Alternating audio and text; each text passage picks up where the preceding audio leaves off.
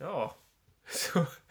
Det, det, ja, vem ska säga hej då? Ska jag säga hej? Ja, jag får väl göra det eftersom du är totalt inkompetent på det här. Hej och välkomna till ett nytt avsnitt av Marcus och Malcolm. Och det här är alltså andra tagningen på introt. Um, av, av tekniska svårigheter. Men vi sitter här alltså med Chris Forsne. Ja. Um, och vi ska helt enkelt ha ett samtal tillsammans. Och vi har ju pratat om att vi ska ha gäster på den här hemska podcasten i åratal utan att uh, ha någon jävla follow-through. Men den som väntar på något gott väntar aldrig för länge, eller hur, hur man nu säger. Vi har ju redan haft ett samtal tillsammans, för att den här tagningen är ju liksom efteråt, då vi märkte att början inte riktigt kom med. Eh, men men vi, gör, vi gör som så att vi säger eh, hej och välkommen Chris Forsner. Mm, tack så jättemycket. Så. Kanske du kan presentera dig själv helt enkelt. Eh, Vem är du? Ja, jag är journalist, eh, författare och eh, har jobbat under många år som utrikeskorrespondent i Paris men även med täckning Nordafrika. Och när jag sedan kom hem från Paris så har jag jobbat med som eh, redaktör och programledare på SVT och numera skriver jag främst för ledarsidorna.se. Eh, rätt mycket om europeisk politik men även ibland när jag inte kan hålla mig så lägger jag mig i den svenska debatten. Ja. Och där... Ja, nej men välkommen precis. Tack. Ehm, och som sagt, vi ska prata om Ja, nu vet vi ju exakt vad vi har pratat om redan så jag ska inte komma med spoilers här utan ni får helt enkelt lyssna på vart det här samtalet för oss. Mm. Och då har jag, jag har en liten sån här reflektion här som jag skulle vilja bolla med dig.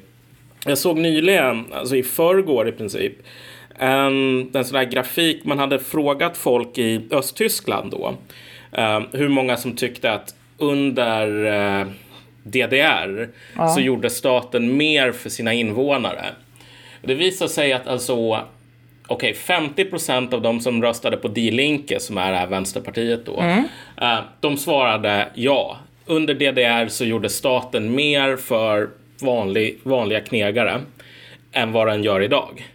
Det roliga var att alltså bland AFD-väljare så var siffran inte 50 procent utan den var 55. Så när det gäller så här DDR-nostalgi så har så att säga den så kallade extremhögern mer DDR-nostalgiker bland sina väljare än den så kallade extremvänstern. Och jag tänkte bara fråga så här, hur ser det här ut? Det finns ju en annorlunda dynamik i Frankrike, men jag tänker just, du tog upp det här med um, människorna på periferin och att det finns en solidaritet gentemot Paris. Hur skulle du säga att um, Mélenchon har lyckats fånga upp det där jämfört med då Le Pen? Ja, för det här är så intressant, för jag tror verkligen att man måste numera framöver sluta använda höger och vänsterbegreppen. De är ganska outdated. Um, det, jag skrev en artikel häromdagen där jag, talade just, då- där jag citerade en fransk journalist och författare, Alexandre De Vecchio, som är jätteintressant. Han kommer ut med en bok nu där han pratar om att den stora nya konflikten kommer att vara mellan så kallade populister och eh, miljöaktivister snarare. Och det är ju inte ett höger-vänster för de går egentligen ganska parallella eh, spår, bryr sig inte om. Men du tog upp Mélenchon och där blir det väldigt intressant för Mélenchon kan man inte idag kalla bara vänster. Det är alltså en uppsjö av olika grupperingar som ligger under det paraplyet med La France Insoumise, det okuliga Frankrike. Allt ifrån gamla trotskister eh, till royalister och neofeminister och så vidare. Och så vidare. Så att det, däremot om man ska göra, återgå till jämförelsen med DDR som det hade så ja, eh, det är självklart att ser du i periferin nu, det var en bok som också det talas mycket om i Sverige av en fransk eh, geograf eh, nyligen som talar om periferin och ehm, eh, de större städerna. Och det som händer ute på landsbygden det är ju det här att man stänger igen mer och mer. Va? Man lägger ner skolor, man lägger ner sjukhus och så vidare. Så att den typen av nostalgi finns. Men det är väl det som man till och med i förlängningen kommer att kunna dra paralleller här i Sverige om, eh, och har börjat göra om eh, glesbygden och tätorterna. Men då har jag lite frågor mm. eh, kring det där.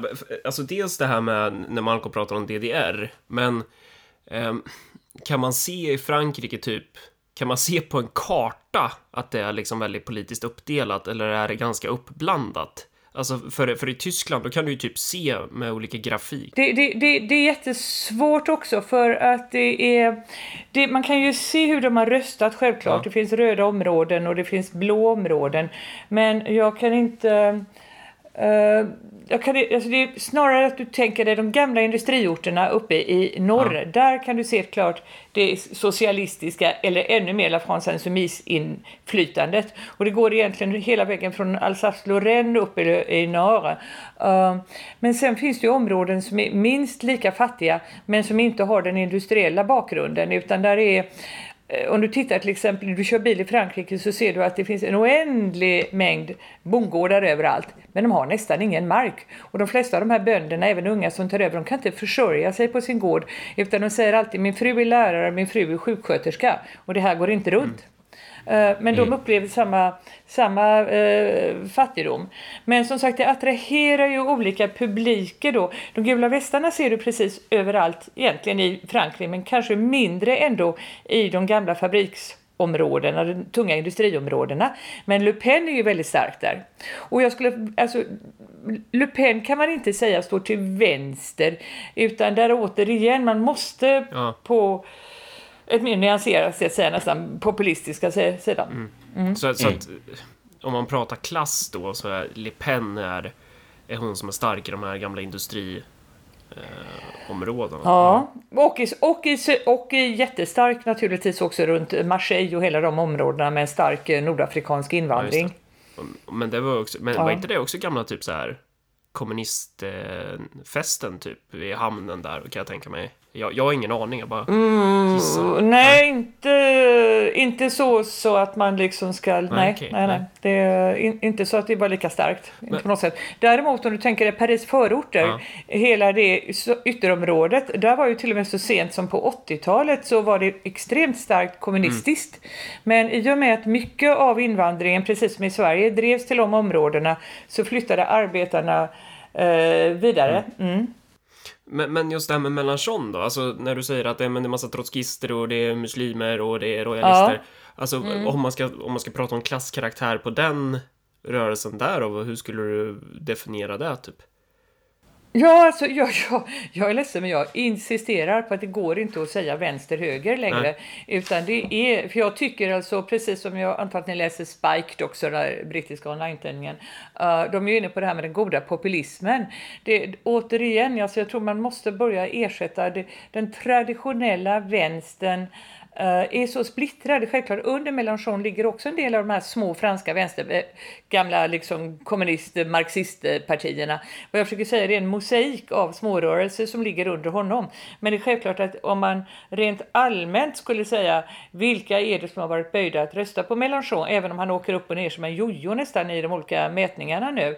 Det är självklart att det är mer människor som kommer ifrån den traditionella vänstern eller kommunistkretsarna. Jo, men jag menar klass så menar inte mm. jag vänster eller höger, utan då menar jag alltså, klass som, som i din ställning i produktionen? Alltså vad är, är, det, är det knegare som röstar på Mélenchon eller är det som för de som röstar på vänstern i Sverige till exempel? Eh, de, det är ju ofta akademiker eller så här medelklass. Eh, Ja, nej, Mélenchon är knegare. Ja, okay. Nej, nej, det är underklassen. Det är, det är inte, inte, med, inte en välutbildad, högutbildad medelklass är det inte. På Mélenchon. För, det, för det, du var inne på det här med att här, man borde sluta prata om både höger och vänster. Och det, det, har ju, det håller ju både jag och Malcolm med om. Att, att det är liksom, det är ja. den gamla kartans mm. begrepp så det har vi pratat en hel del ja. om. sådär. Men, men för att i Frankrike så är väl det där ännu tydligare om man tänker i deras parlamentariska representation att både Socialdemokraterna och den gamla högern är väl i princip utraderade om jag förstått det rätt. Ja. ja. Ja, och det, det intressanta är också man måste se för att eh, allt detta med, med Macron, alltså de, de här gamla partierna de var ju egentligen mogna frukter att plocka rätt upp och ner, va? eller nästan intill fallfrukt. Men vad han hade runt om sig var ju ett gäng unga, väldigt begåvade kommunikatörer. Och sen var han fräck och han tillhör ju den här franska eliten som är, alltså, det, vi har inga sådana i Sverige som går ut högskola efter högskola, så han är ju utomordentligt smart och just nu driver han igenom väldigt tunga reformer. Men han har ju aldrig blivit inröstad av en majoritet. Han vann på grund av att han hade Marine Le Pen mot sig och borgerskapet inte kunde tänka sig sätt rösta på henne. Men om man tittar på, och sen så får den franska logiken är att man väljer först en president som sedan upplöser nationalförsamlingen och så väljer man någon månad eller två efter, eh, någon månad, dryg månad är det, så väljer man en ny nationalförsamling. Och då ligger det i den franska logiken att man ska ge den nyvalde presidenten, det har funnits några undantag, men regeln är att då ska man ge honom ett parlament han kan jobba med. Så då kom det in en massa, det var sådana som hade flytt från socialistpartiet, det var en del som hade flytt från republikanerna, men framförallt så kom det in väldigt mycket människor som var politiskt oerfarna och som man nu inser är nästan som tryckte över en och samma form. Teknokrater, välutbildade teknokrater. Mm. Och det där är ju svinintressant vad som kommer vad som kommer sen så att säga. När hon är ja, ja. Mm. Och de har ju ingen folklig förankring Nej. och därför blir det så fel när det händer saker som i gula västarna. Mm. För de här människorna som sitter i parlamentet och i hans regering, de förstår inte de här samhällsfenomenen. De, de har ju suttit då, det finns mycket direktsändningar i fransk TV, BFM TV är någonting som man kan se på även i Sverige. Uh, och de bjuder in, då bjuder de in ju ofta sådana här blandningar. Det är någon gula, från Gula västarna, det är någon från, uh, uh, från polisen och det är någon ifrån nationalförsamlingen, alltså av de här Macrons parti. Och det blir nästan skrattretande ibland för de, de ser likadana ut och de säger samma saker och de, de kan helt enkelt inte ha en dialog med Gula västarna. Då tänkte jag ställa en fråga här.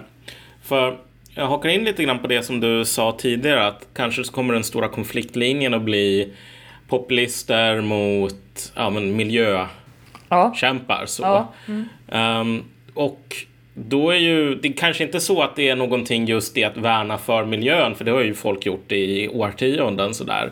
Men, men, det, men det som man börjar se idag är väl någon sorts allians um, eller att miljöfrågan har kommit väldigt lägligt. Ja. Därför att motsatsen till en populist enligt definitionen här är ju en elitist. Någon person som är inte så himla förtjust i att eh, ska man säga, folket får bestämma allt för mycket.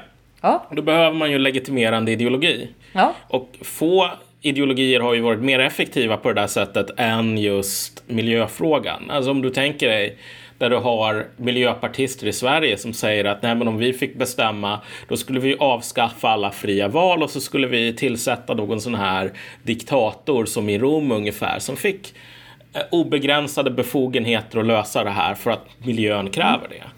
Ja, helt rätt. Jag har... Förlåt. Mm. Ja, nej, och jag tänkte bara säga att alltså, risken i Sverige är ju att du kommer att få mer och mer så här, man måste få in pengar. Så då sätter man så att plastkassar ska kosta en åtta spänn eller någonting varav sju spänn är skatt. Höjer bensinskatten och gör ditten och datten. Och så säger man det här är för miljöns skull. Um, och jag undrar lite grann, vad tror du, eh, eller hur ser den där alliansen ut i Frankrike? För jag menar, de flesta känner väl till att um, gula västarna började just med en höjning av dieselskatten. Men jag undrar lite mer, har det här legitimeringen, den här antidemokratiska legitimeringen, hur ser den ut i Frankrike? Ja, alltså det, det, det, det är huvudet på spiken, det du säger nu. Och det har Uh, miljörörelsen som sådan hade sin glansperiod i Frankrike för kanske en tio år sedan. Den är ganska liten nu. Men nu, är det, nu ser vi ju den här rekuperationen så att säga som man gör av miljöfrågorna. Uh, och det är precis som du nämnde här, det är det auktoritära draget och det icke-demokratiska. Det är där du har å ena sidan alltså de så kallade populisterna som är människor, eller då som är politiker som säger vi har fjärmat oss för långt från folket, vi måste vara mer lyhörda eh, till vad man vill, vi ska vara mer nära direkt demokrati. Å andra sidan så har du de här miljörörelserna som egentligen är ganska då eh, elitistiska och som är globalistiska ganska mycket eller går via EU. De vill alltså sätta mer och mer och mer regler och ta ut högre och högre skatter. De minskar egentligen det demokratiska inslaget. Den diskussionen finns idag i Frankrike. Mm. Och den har inte och, kommit till Sverige. Ja. Nej, nej, men precis. Men alltså är det så någonting som många politiker i äh, Macrons parti har så att säga tytt sig till? Nej, alltså du, du, vet att man inför ju, man gör ju precis som i Sverige.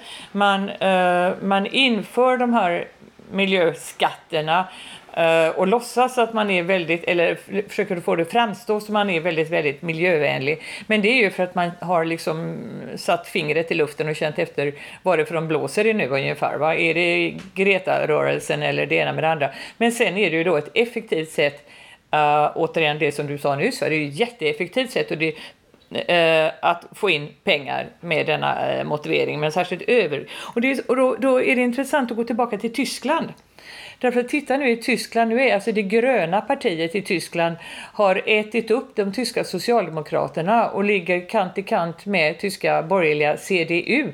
Och det är ju inte för att alla har blivit miljöpartister och de gröna i Tyskland är väldigt annorlunda egentligen också. Men det är ju för att man är så besviken på Socialdemokraterna. Och då har detta en lite modernare, fräs, fräschare image och så går man dit istället. Och det är sånt som håller på, alltså väl, stora väljargrupper i olika europeiska länder länder nu flyttar ju fram och tillbaka liksom lite efter eh, vem är den mest karismatiska ledaren? Och det är väl där återigen, om vi går tillbaka till Sverige så har vi nog väldigt svårt någon av oss att hitta den. Det är ju Stefan Löfven då såklart. Ja, jag förlåt, jag glömde honom. Ja. Men ja. ja. men just det där som ni ja, pratade alltså, om, alltså mm. det där man behöver få in pengar och så måste man ju hitta på, man måste ju alltid ha en ideologisk legitimitet för sin sitt skatteuttag typ. Man kan ju inte bara säga ja, nej men vi måste ha råd med invandringspolitiken som vi har tvingat på er utan att någon har bett om det. Så då måste man hitta på det här med Ja, absolut. Och sen, ja, jag tycker vi ska inte, för att man går tillbaka, man kan inte glömma att den som var den första som egentligen visade på det här stora som före gula västarna kom och så vidare, det var ju britten David Goodhart med Somewheres and Anywheres. Ja. Och det, mm. det, är, det är ju där någonstans vi är, va? och det kan vi ju då kalla vad vi vill, populisterna eller eliterna eller vad som helst, men, men återigen, han var väl en av de första då som verkligen tryckte på att höger och vänster och gall och tandskalan och allt det här, det är, det är överspelat nu. Det, vi lever inte i det tidevarvet. Ja, men vi, vi har väl pratat lite grann om just här i Marcus och Malcolm att när den ekonomiska modellen ändras, att du får mm. äh, samhällen som inte är särskilt intresserade av någon sorts full sysselsättning Ehm, eller intresserad av att ha en ekonomisk modell där så att säga staten agerar i intresset för att den egna ekonomin. Utan agerar för intresset hos en liksom sammansatt så att säga världsekonomi. Ja. Där eliterna i den här staten tillhör eliterna i den här världsekonomin. Men där de som inte bor i de här metropolerna, de är bara skräp. Mm. Jag menar, då sker det ju över tiden också en ideologisk anpassning, men den tar ju mycket, den går ju långsammare. Men, men det intressanta här är väl egentligen två saker tänker jag. Den här utvecklingen, så, så, så som jag har förstått saken, till den så, nya politiken. Den började väl egentligen med uh, Mitterrands kapitulering egentligen. Han kom väl, eh, hade väl från början den här föresatsen om en, en, en liksom gammaldags socialdemokrati som han sen var tvungen att ge upp. Och därefter så började ju hans parti satsa väldigt mycket på just de här nya frågorna som antirasism då på den tiden. Ja, han begrep inte ett skit rent ut sagt om ekonomi. Mm. Han var fullständigt nollställd i ekonomi, styrdes i hög grad av en av de här överbegåvade, väldigt uh, unga rådgivarna, Jacques Attali. Uh, och um, Eh, vad det gäller den här, alltså egentligen så var han, om jag ska vara ärlig, så han kom ju från en väldigt liksom borg, utifrån, eh, inte Vischan, men en liten stad i konjaksbältet och var väl borgerlig och borgerligt uppfostrad och religiöst uppfostrad och så vidare. Och sen gick han in i politiken och sen så påverkades han av eh, sin fru som var dotter till skollärare med den vanliga franska socialistiska inställningen i en viss grad. Men sen var han framförallt, när han verkligen på allvar insåg att han hade en politisk talang så tog han över ett litet döende parti, eh, socialistparti som hette SFIO och lyckades driva upp detta. Och sen var ju den stora eh, uträkningen när de skulle ta över att man skulle krama ihjäl kommunisterna genom att ta in dem i regeringen. Och det lyckades totalt. Men sen när han då kom till makten då hade han ju med sig allt detta, det socialistiska och det kommunistiska och så vidare. Och som du påpekar så skulle man genomdriva det här. Men det var, var höll ju bara något år och sen fick mm. man göra en helomvändning. Och då vill jag också påpeka någonting som jag tror man uppmärksammar väldigt lite. När Maastrichtfördraget slöts sedan, som ju band ihop EU-länderna på ekonomiskt på ett helt nytt sätt Alltså han kan inte ha begripit vad det handlade om därför att han fattade inte ekonomi. Det var, det var en intellektuell eh, visionär i mångt och mycket annat och realpolitiker och allt möjligt. Men han var inte ekonom. Men det kan man mm. väl också säga att du var ju, du var väl tillsammans med Mitterrand? Att det var... Ja, jag umgicks med honom under 15 år, ja. så jag känner honom ganska väl onekligen, ja. ja. Så, det, så man har det sagt också i... Um, men, ja, men då har du ganska bra koll på honom också, kan man säga. Att det är liksom inte... Ja, jag har stenkoll. Det är därför jag kan säga det, detta. Det är inte bara någon random så här, korrespondent liksom som, som kommer... lånade av omgivningen. Ja. Ja. Men okej, okay, ja. Så att det är det jag säger. Han, de sakerna, och likadant det gäller alltså med de här SOS rasism och uh, antirasism-grejerna. Mm. Det var sånt där som skulle ingå i partiprogrammet. Det var väl ingenting som han egentligen initierade. Det var självklart att han eh, inte uppskattade rasismen utan tvärtom. Mm. Men det är ju så mycket saker som händer runt omkring presidenter. Och jag vet inte om ni minns men um, precis bland första rådgivarskaran så tog han in bara för att jäklas med amerikanarna revolutionären och um, Che Guevaras gode vän Regis Debré. Just det, ja. Och där har jag helt underbart. Där lyckades jag ta mig in vid ett tillfälle med Registerbrevs namnskylt med stor mustasch. Så tog jag mig in eh, på Versailles till det lyxhotellet intill för jag måste klä om för jag skulle vara med på en middag på kvällen. Och de amerikanska säkerhetsvakterna stod på dubbla led och jag gick förbi leende med min stora klädpåse där det kunde varit vad som helst i och med en badge med, med en skäggig man, apropå säkerhet. Det var bara en liten anekdot. Va? Men, ja. Ja, men intressant. Så såg det ut på den tiden alltså. ja. Hur som helst. Uh, nej men det, det, det, ja, det intressanta då med François Mitterrands alla år vid makten var ju att på slutet så var, ja man tyckte väl inte särskilt, han tyckte väl inte att han var så kul egentligen. Men han har ju blivit en legend nu. Och det är också intressant att tänka på med politiker när de på de senare åren, alltså när de sitter vid makten, så är de mest besatta av att få ett gott eftermäle. Mm. Mm. Och det är också ett skäl till varför han väldigt gärna ville ha Jacques Chirac som, en som efterträdare. Och eh, i fransk media så sa man att man tycker, han tycker det är Chiracs tur. Han har försökt två gånger och misslyckats. Så nu är det tredje gången, nu är det hans tur att lyckas. Och då vet jag att det var ju rena dumheterna. Han ville ha Chirac för han visste att Chirac skulle vara en medelmåttig president vilket skulle göra att han själv framstod i mycket bättre dagar. Men varför gick det inte då? Alltså, det här som han ville driva igenom för att man, ser väl, man såg väl hans program som ganska radikalt typ. Det är väl typ ja, dels Mitterrand absolut. och sen är det väl också typ de svenska löntagarfonderna som man ibland framhäver som typ två exempel på där man, man har försökt föra någon slags offensiv socialistisk politik i västvärlden typ. Ja. Eh, men vad ja. var det som sket Nej, det var helt... om, om man ska... Ja. Om man, det kanske är svårt att summera men, men jag menar... Nej men alltså det var helt annat. Han var ju, du vet, han, Socialistinternationalen var jättestort på den tiden. Vi journalister åkte runt till varenda möte, så sådana toppmöte med Socialistinternationalen. Och det var ju stora tunga namn. Det var ju Willy Brandt och Bruno Kreisky och de här som satt där. Va? Så att François Mitterrand träffade Olof Palme ganska mycket. Och han tyckte visserligen att eh, Eh, Palme, som han sa, var eh, fullständigt opolitlig och, och blåögd och eh, inte seriös när det kom till utrikespolitik och kärnvapenfria korridorer. Han tyckte bara det var dumheter. Men däremot så såg man ju Sverige som ett exempel eh, vad det gällde flera ekonomiska reformer. Och det Förlåt, gällde Chris, även är det, vem, är det någon som sitter i bakgrunden ja. och typ rör på sig? Eller vad är det som händer? Det låter som... En hund. Ja, okej. Okay. Ja. då, då får det vara så då. Men vad tänkte jag? Men vad, jaha, så han, han, han trodde inte på... Okej, så han, han tyckte att Palme hade dåligt omdöme rent utrikespolitiskt. Det är ju intressant. Fruktansvärt. Ja. Han tyckte det var rena löjligheterna. Såväl vad det gällde kärnvapenfria korridorerna som eh, mycket av den här tredje världen-vurmandet. Eh, och han var helt av inställningen att man skulle vara stark och visa sig stark i sandlådan för, så att ingen annan skulle våga angripa en. Mm, ja, men det här med alltså socialdemokratins tredje världen, vurmande och så vidare handlar ju ganska mycket också om att man skulle kanske inte etablera ett eftermäle men i alla fall ha den här ja. um, auran av att, ja men redan då så resonerade man ju i termer av att vara en moralisk medmänsklig stormakt även om den eh, mannen med de bevingade orden Reinfeldt inte riktigt hade äntrat scenen än. Nej. Så liksom, det, Men ni- det tänk, ja. Ni är ju för unga för att upplevt det, men jag var ju med i den perioden man var jättestolt över att vara svensk. Därför att vi var ju bäst i världen på alla sätt. Fan, Ja. du, träffade, Ja. min, träffade gick- du min farfar något då?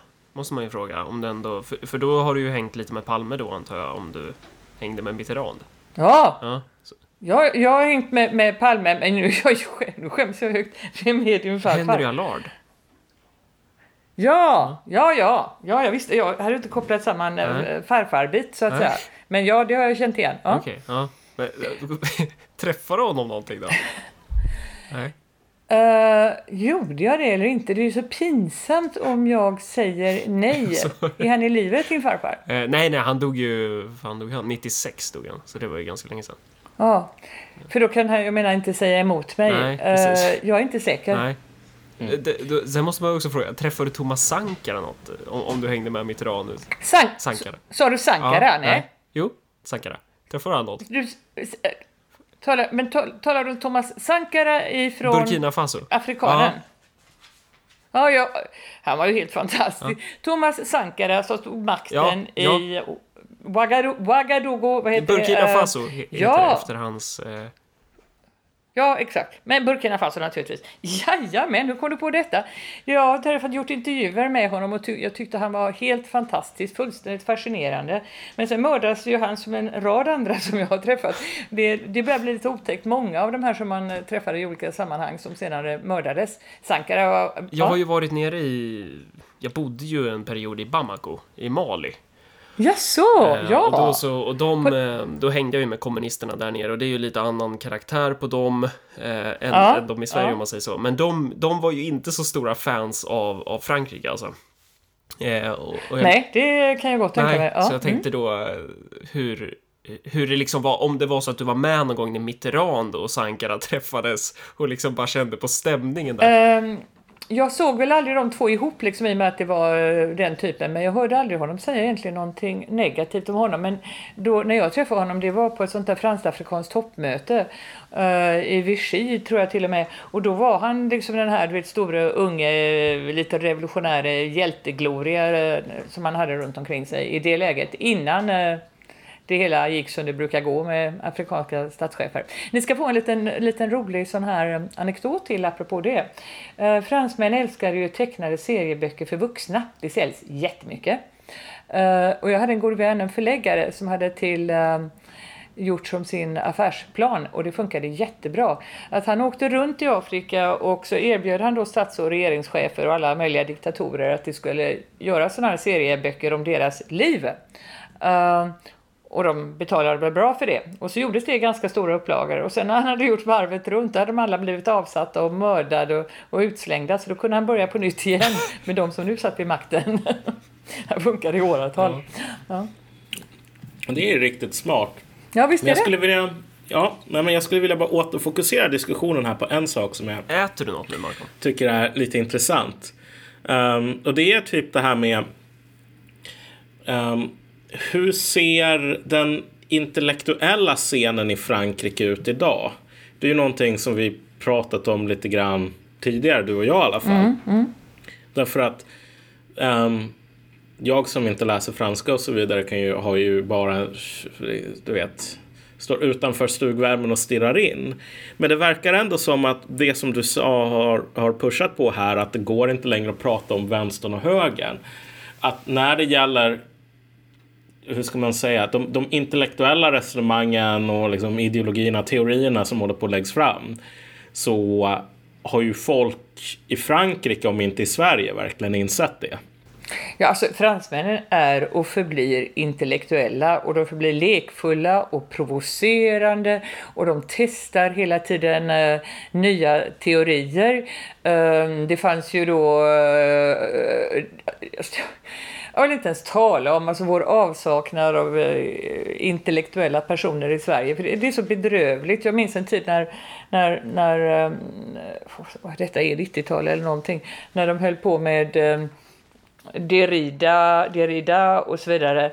Um, som inte en människa har pratat om på 25 år och sen har det inte hänt någonting bland svenska medarbetare på kultur, kulturredaktioner. Det poppar hela tiden upp nya namn och vad som är intressant i Frankrike är att du tillåter att det finns fortfarande människor som kan tillhöra vad vi skulle kunna kalla en vänster som får precis bli lika respekterade när de framlägger sina teser och synpunkter och som om de är på högersidan.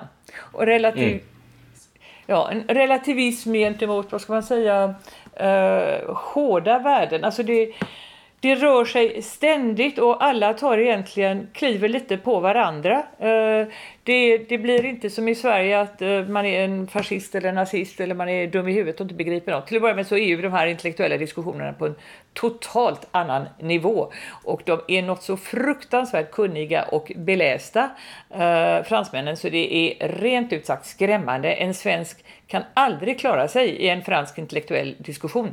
Ehm, det går inte, utan det enda knepet, det knep jag kan ge er om ni vill bli respekterade av fransmännen i någon form av hög ställning, det är att ni får försöka ha med er ett antal anekdoter om svensk historia, om drottning Kristina eller von Fersen. Då kan de lyssna. Men ni kommer alltså aldrig upp på samma nivå av belästhet. Mm. Ja, nej, men, och det intressanta här är väl egentligen att um, om du har någon koll, vad, vad, skulle du säga är de teoretiska strömningarna här um, inom om vi, om vi tar egentligen två saker här. Om vi tar eh, Mélenchons parti och sen så tar vi Front National här. Um, vad är det för frågor de håller på att brottas med idag? Uh, nationalismen. Nationalstaten, mm. förlåt mig, jag säger fel. Nationalstaten. Uh, de fransmän tycker inte att nationalstat är något negativt, det är något mm. positivt. Fransmännen kan hela tiden använda ordet republiken. Eh, de skiljer på stat och nation.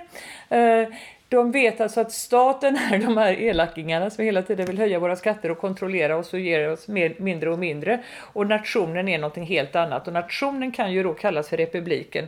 Och det är självklart, i tal av politiker och i massa olika tillfällen så säger man alltid länge leve republiken. Och flaggan får hissas och så vidare. Och det är där Frankrike har problem gentemot EU också. Macron vill ju gärna ha EU men bara utifrån att och det är en tra fransk tradition också, av att man härskar över EU. Man vill ju inte vara en i gänget utan där, där mm. ligger detta kvar. Men, men när, det, när det gäller det där då, alltså synen på nationalstaten och så. Ja, där, där sa du någonting som är precis problemet. Uh, ja. Du sa nationalstaten. Fransmännen skiljer på nation och stat. Ja, okej. Okay. Ja, ja, men synen på, hur ska man säga? För du pratar ju om det här med, du pratar ju om det här med um, eller vi pratade om det i början, det här med miljörörelsen, att den är ganska globalistisk och ja. så. Är det mm. liksom mm. liknande som i...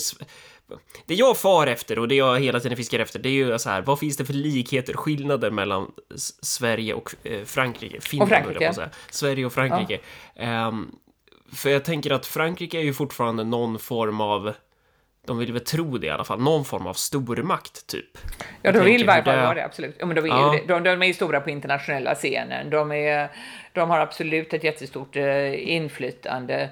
Ja, uh, det kan man inte ta... Det, det, ja. Och det är då jag tänker liksom att så här, Ehm, det här med globalister i Frankrike, om, om, det, om det är något som påverkar dem då. För att i Sverige får man ju intrycket av att de här personerna, de vill helst inte ha Sverige överhuvudtaget, även om de såklart är beroende av Sverige. Men, men om det är liknande strömningar i Frankrike eller om det är mer så här att man vill göra Frankrike mer till en global att, att Frankrike ska bli mer, få mer makt i Europa om de ambitionerna. För, för sånt där tänker vi ju inte ens på i Sverige. Typ. Det känns som att det inte Nej. ens finns i våra politiska eh, Frank Frankrike har ju varit större än vad det är. Man försöker på ja. olika sätt genom att man har toppmöten med afrikanska stater som är tidigare kolonier och även utökar detta till tidigare brittiska kolonier och sådär. Försöker förhålla, självklart också av ekonomiska handelsintressen, det är ju därför man gör det. Men man vill behålla den eh, idén av storhet. Man anser sig också vara en av de absolut tyngsta grundarna av EU och vill ha så mycket makt och är naturligtvis oerhört irriterad över att det är tyskarna som i högre grad kan kontrollera.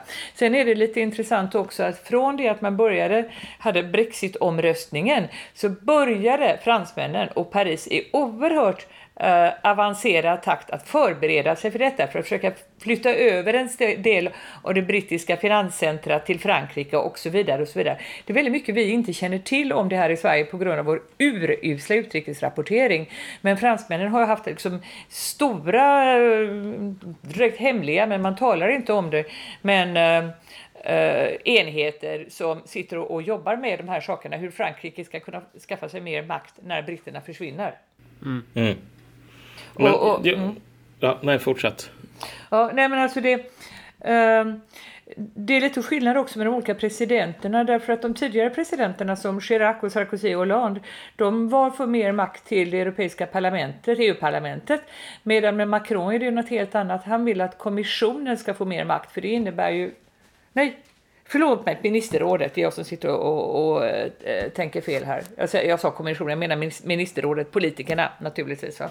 Så han vill ta makt ifrån parlamentet, ge till, försöka stärka ministerrådet ytterligare. Det är en skillnad. Mm.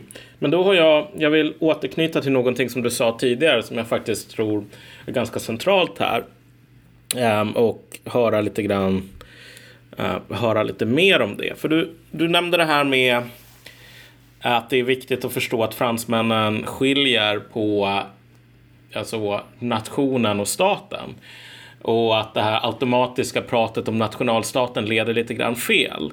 Och jag tror att det där är någonting som är ganska svårt att inse för svenskar. För om du tänker dig hur, ehm, hur diskussionen här ser ut om du läser typ Arbetet eller någon när, när Göran Greider skriver en krönika och han känner sig lite mer så här melankolisk, om vi säger så. Um, då är det ju mer eller mindre så här. Åsa Linderborg gör ju det här också. Det finns många andra exempel. Men att man håller på och talar om det. Men du vet, nationalstaten är inte så himla dum. På grund av att, alltså utifrån ett socialistiskt perspektiv så är det ändå så att barnbidrag, föräldraförsäkring, etc. Det är ganska nice saker. Och vi har inte kommit på ett bättre sätt att administrera det här än nationalstaten. Så man för ju, när man ska försöka rehabilitera nationalstaten så för man ju alltså ett, ett, ett ändamålsargument här. Mm. Men um, det är ju inte precis som du säger samma sak som en diskussion av nationen. För en nation är ju i slutändan en gemenskap, ett demos. Mm, exakt. Och då är ju frågan vad för sorts um, liksom, vad för sorts karaktär ska den här nationen ha? På vilka grunder kan man bli med i den? På vilka grunder har den här nationen rätt att hävda en, en ett existensberättigande? Uh, och det där är en diskussion som i alla fall vänstern är väldigt dålig på att ha i Sverige. Så jag undrar, hur ser den diskussionen ut i, hos ja, vad, vad man nu ska kalla det, liksom, Mélenchon, den kanten okay. i, i Frankrike. Um, där, till att börja med har du helt rätt, i Sverige kan vi inte skilja på stat och nation. Folk vet inte vad som är vad, utan vi är invaggade i någon slags att uh, staten är nationen, så nationen behöver du inte, du behöver bara staten. Uh, I Frankrike är det helt annorlunda och till och med då Mélenchon, eftersom vi återvänder till honom, uh, och även då naturligtvis Le Pen också, de är ju starkt nationalistiska. Ehm, de är inte, alltså de vill absolut, de är verkligen skygglappar för globaliseringen eller varnar för den och det gäller även deras inställning till EU som de anser vara alldeles för överstatligt och eh, sakna eh, de demokratiska grundbegreppen egentligen. Um, det, alltså staten, man har ju, och det, det, går ju genom hela det franska samhället egentligen, alltså man är ju så oerhört mycket mer kritisk gentemot staten. Man har inte känsla av att staten är någonting som garanterar dig ett slags folkhem, utan tvärtom, man pumpar in skatter till staten och sen så ger dig staten saker tillbaka, men i mindre, betydligt mindre grad än vad det, av vad den borde. Det finns ett misstroende, det som håller på att växa i Sverige nu, som inte vi haft innan. Vi, vi talar ju nu, även om statsvetarna förtvivlat försöker få oss att tro att vi har jättestor tillit till staten, så tror jag vi alla märker i vår omgivning att det här rasar i väldigt, väldigt snabb takt egentligen. Mm. Uh, och den finns ju absolut hos Mélenchon, den finns definitivt hos Marine Le Pen. Uh, Och eh, socialisterna är så svårt nu för att det, det, alltså det här raset har, det har gått så otroligt fort. Um, och jag försöker tänka på det republikanska partiet som ju ligger i spillror nu men egentligen inte borde göra det för att så många fransmän är republikaner, borgerliga republikaner. Men de har så förvillats av alla när man Ni kommer ihåg den här enorma kampanjen mot François Fillon som hade varit den bästa republikanska kandidaten.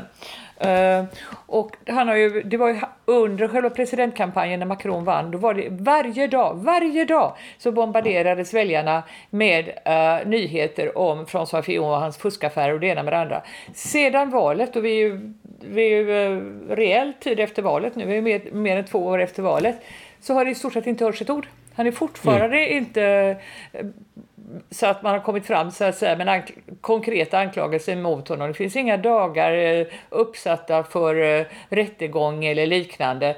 Men det var ju hela det här misstänkliggörandet har gjort att den borgerligheten i Frankrike som egentligen är väl minst lika nationalistisk som de som är runt Mélenchon, men de har liksom ingen röst idag. Va? Så jag vill säga, vad jag försöker bara säga med detta är att fransmän är väldigt nationalistiska och de är egentligen väldigt kritiska gentemot sin stat. De ser den som mycket mer ett nödvändigt ont, alltså det är en separat administrativ kraft, inte en del av eh, av, eh, och jag tror att det ligger liksom i historien också. De har um, de har alltså kämpat för att få alla sina rättigheter. Det ligger väl sedan revolutionen också. Eh, och eh, det är också en skillnad gentemot Sverige. Vi har, bara, vi har liksom bara fått det serverats det på något sätt. Va? Mm. Och då, då, då vill jag liksom flicka in med en sak här. För det som du talar om här, det är väl att i Frankrike så finns ändå en känsla av att du kan byta ut den här republiken mot det tredje kejsardömet i princip. Frankrike kommer att finnas kvar. Även när du byter ut det tredje kejsardömet mot nästa republik så kommer Frankrike att finnas kvar. Alltså det finns en kontinuitet i nationen. Ja. Helt oberoende statsbildningen här. Absolut. Och det, är och det finns man... väl... Ja, nej, fortsätt. Jag ska bara säga, det är därför man kan öppet i Frankrike mycket mer än i Sverige tala om assimilering. Man ja. är därför att man anser att den, den, franska kulturen, den franska identiteten är så stark. Man har alltså under seklerna tagit ihop, emot så mycket människor. Eh, spanjorer, portugiser, italienare, polacker, ryssar. Alla är egentligen en del av Frankrike. Det som har ställt till problem, och även om det naturligtvis finns massa, massa andra exempel också, eh, det är ju eh, de som har kommit ifrån de muslimska delarna av de tidigare franska kolonierna eller från Frankrike. Algeriet var ju faktiskt inte en koloni, det var en del av Frankrike, det var ett departement. Mm. De som har integrerats och sitter i regeringen och allting och som presidentrådgivare, det är för det mesta eh, personer med judisk bakgrund ifrån Algeriet och Marocko. Hmm. Men det här med liksom invandring och sådär, det är ju, kan ju vara rätt värt att uppehålla sig lite vid. För att där har man väl, om jag har fattat det hela rätt, så det är väl en diskussion som pågår i Frankrike också ganska, ganska så ordentligt. Men den, den ter sig på ett annat sätt från, från Sverige då, eller? Uh, nej, alltså den, den, um, jag tyckte länge, problemen som sådana uh, mm. fick Frankrike före Sverige på grund av att man hade då en tidigare stor invandring ifrån inte minst Algeriet. Uh, så att man uppmärksammade det, alltså att, att det blev en förändring i förstadsområdena, att de blev mer och mer muslimska. Det uppmärks, man hade det och man ville liksom inte prata om det. Men jag skulle påstå att de, Frankrike har legat mellan en 6 och 10 år före Sverige hela tiden. Allt detta med att man inte har kunnat gå in med ambulanser och brandbilar inte har släppts in. Nu senaste tiden, nu är det, verkl, nu är det verkligen, skulle jag vilja påstå, de senaste åren som detta har blivit en radikal fråga som överallt. Du har alltså hela stora förstäder till inte minst Paris men Marseille överallt som är de, här, de skulle kunna ligga i ursprungsländerna så att säga. Va? Det är, du har mer eller mindre så har den franska eh, icke-muslimska befolkningen tvingats ut därifrån. Man lever alltså som i eh, Eh, helt avskilda delar. Det är ett jätteproblem i Frankrike eh, just nu och det skrivs mer och mer om det och det talas mer och mer om det och det är väldigt intressant. Det finns en högerjournalist, författare, provoka- provocerande men oerhört duktig eh, som heter Erik Simour som just eh, häromdagen gick ut och kommenterade det faktum att det finns i Frankrike en identitär rörelse eh, som är väl snarast då till vad vi förr skulle kalla, kalla högern som jag försöker undvika detta ord, eh, men som har eh, sett väldigt illa på det här faktum att man kommer in, att man bara väller över gränserna migranter, alltså inte flyktingar, men att det var så pass slappt vad de tycker vid gränserna. Så förra året så gick de, tog de, gjorde de en aktion, de gick upp i Alperna och de ställde sig vid ett av de ställen där det är väldigt mycket passage ifrån Italien, de som har kommit över Medelhavet via Libyen och så vidare. Från största delen då eh, människor ifrån Afrika söder om Sahara. Och de ställde sig där uppe och de hade stora plakat om att här får ni inte lov att komma in, eh, ni ska, har inte rätt att bara vandra rakt in i Frankrike och så vidare. Men det var inga våldsamheter, men de greps ändå. Och nyligen var det en rättegång och fler, de ledarna till detta fick alltså fängelse upp till sex månader och rätt dryga böter. Och då gick eh, Simon ut och sa, tänk vi hade en tid när våra unga män skulle försvara våra gränser och blev hedrade för att de försvarade våra gränser. Idag sätter vi dem i fängelse. Mm. Och, och, det är lite typiskt för hur man upplever situationen i Frankrike nu. Okej, okay. då har jag fler frågor. Eh, mm. Det första är ju så här, i de här förstäderna så är det samma grad av bidragsförsörjning där som det är i Sverige. För att jag och Malcolm pratar ju om någonting som vi kallar för transferiatet och det är ju då alltså människor som inte är en del av produktionen, man ska säga, utan man, mm. man, man mm. har ganska låg utbildning och man kanske inte har så möjlighet att kunna uppgå i produktionen. Om man nu skulle få den utbildning som krävs så skulle det kosta en jäkla massa pengar. Det kan ju vara typ så här att du är en analfabet från typ Somalia liksom för, före detta fåraherde och så här. Alltså hur, hur, det är en fråga som jag undrar över hur det ser ut alltså hur man försörjer sig i de här förstäderna. Har man lika hög grad av bidrag som i Sverige? Hur ser det systemet ut? Den andra frågan, det gäller det här med Le Pen. Ja. Um, för att uh, Le Pen och Sverigedemokraterna, det är väl ganska så stor skillnad på de partierna. Uh, hur skulle du beskriva det partiet? Uh, för att i media så har man ju fått det mer fram som att kanske, kanske inte så mycket på sistone, men, men så här att det är liksom en, en ett fascistparti typ. Eh, att, jag antar att det är lite så här onyanserad beskrivning, typ att man kanske ska förstå det som någonting annat. Sen det här identitärerna, är det liksom... Eh, för det är ju en benämning man känner igen sen sina dagar i, i, i vänstern och jag får mm. att man benämnde typ Nordisk ungdom och sådana där typ Ja. ja. men som man också skulle kunna kalla för nassorganisationer som identitärer, typ. Är det någonting annat då från de här som var uppe i Alperna då, eller är det liksom den typen ja. av du ser, det är så lätt du hittade eh, nassorganisationer och du hittade vad man sa om eh, eh, Sverigedemokraterna. Det låg ja. där liksom, för du kunde inte komma på några andra mer nyanserade ord. Eh, och det är väl så, om jag ska börja med din fråga två, det är väl så det har mm. varit. Mm. jag har ju ja. sett dessa, eh, förr i världen så satt utrikeskorrespondenter nästan på livstid och kunde kände till de länder de jobbade i. Och ibland skrev de stora artiklar och ibland var det små notiser. Men det fanns en kontinuitet i det hela. Sen gick man över på public service och då följde ju DN och Svenskan i stort sett samma mönster. Att eh, journalister skulle ha det som diplomater och skulle skickas ut på tre år och de skulle få lägenheter och hustrun skulle få följa med, eller om det var mannen, med full betalning. Eh, det gjorde att man fick alltså ner människor som var egentligen väldigt påverkade av vad som sades i eh, Stockholm innanför tullarna. Och därav så, och så var det några då som var lite ledande i hur man skulle beskriva eh, Sverige, eh, förlåt mig, från National. Uh, och då blev det alla de här klyschorna. Uh, och eh, det var från början så hamnade svensk media väldigt snett i sitt sätt att försöka beskriva eh, Sverige, den här franska då, från National, som nu har bytt namn eh, för övrigt. Va? Eh, men, men de var egentligen betydligt närmare Sverigedemokraterna men det är en fransk tappning så de var ju liksom eh, för Sverigedemokraterna har ju rensat ut mycket på samma sätt har Eh, Marine Le Pen rensat ut väldigt mycket i sitt parti. Så att grunden är inte så väldigt olika skulle jag vilja påstå. Fast vi är ju alltid en mildare och snällare tappning. Men alltså det här rasistiska, fascistiska, eh, det är väl ungefär lika seriöst som det är vissa delar av konversationerna på Twitter skulle jag vilja påstå. Det, så som det ser ut nu i det, eh, i det partiet. Den identitära rörelsen, nej, de är inte nazister. De är mörkblå, eh, fransmän ofta.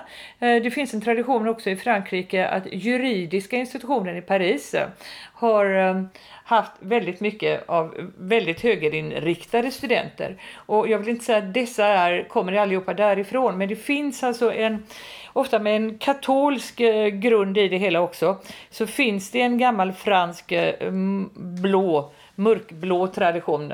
Eh, uh, ja, alltså, de är... Jag vet inte om jag har rätt, alltså, men det enda jag kan komma på som möjligt jämföra det är väl Heimdal. Mm. I Uppsala. Mm. Det, så att återigen, det är utifrån, eh, nej nu sa jag väl antagligen något som inte är riktigt, men hur som helst, det är åt det hållet, även om det, det har luckrats upp. Men alltså de här unga identitära de är absolut inte nazister, jag vill inte påstå, eller fascister eller någonting. Jag önskar att vi kunde hitta ett bra nyanserat språkbruk för att försöka förklara varifrån man kommer. Man kommer från traditionella miljöer där man vill... Ta, nu har jag sett den nya EU-kommissionen. Det har blivit ett jädra liv runt vad uh, den, den grekiske vice eh, ordförandekommissionären vad han, vad han ska um, täcka vad som är hans ansvarsområden. Och det är ju eh, han ska täcka för att leva för det, är det med europeiska värdena, europeiska livsstilen eller något sånt där heter det, som han ska täcka. Eh, och under det ligger bland annat migrationen, vilket har gett upphov till det här missförståndet där vi tror att Ylva, Ylva Johansson som har ansvar för, för migrationen, eh, ja, Shinas heter han, eh, förresten jag kommer på den här greken nu, men Ylva, äh, Ylva Johansson får inte alls bestämma själv, hon lyder under honom.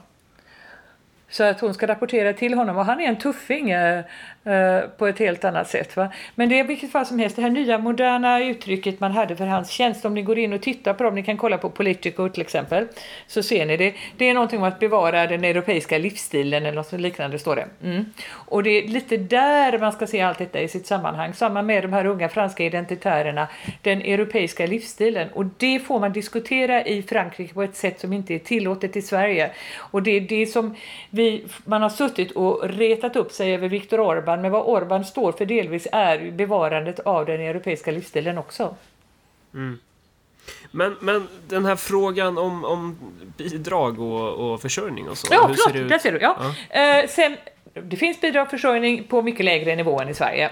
Allting är som Sverige, men kanske hälften eller någonting, har inte exakta summorna. Däremot har man haft omgångar när elever inte går till skolan, så drar man in en del av föräldrarnas bidrag. För då säger man att det ligger på föräldrarnas ansvar att se till att eleverna kommer till skolan. Mm. Ja.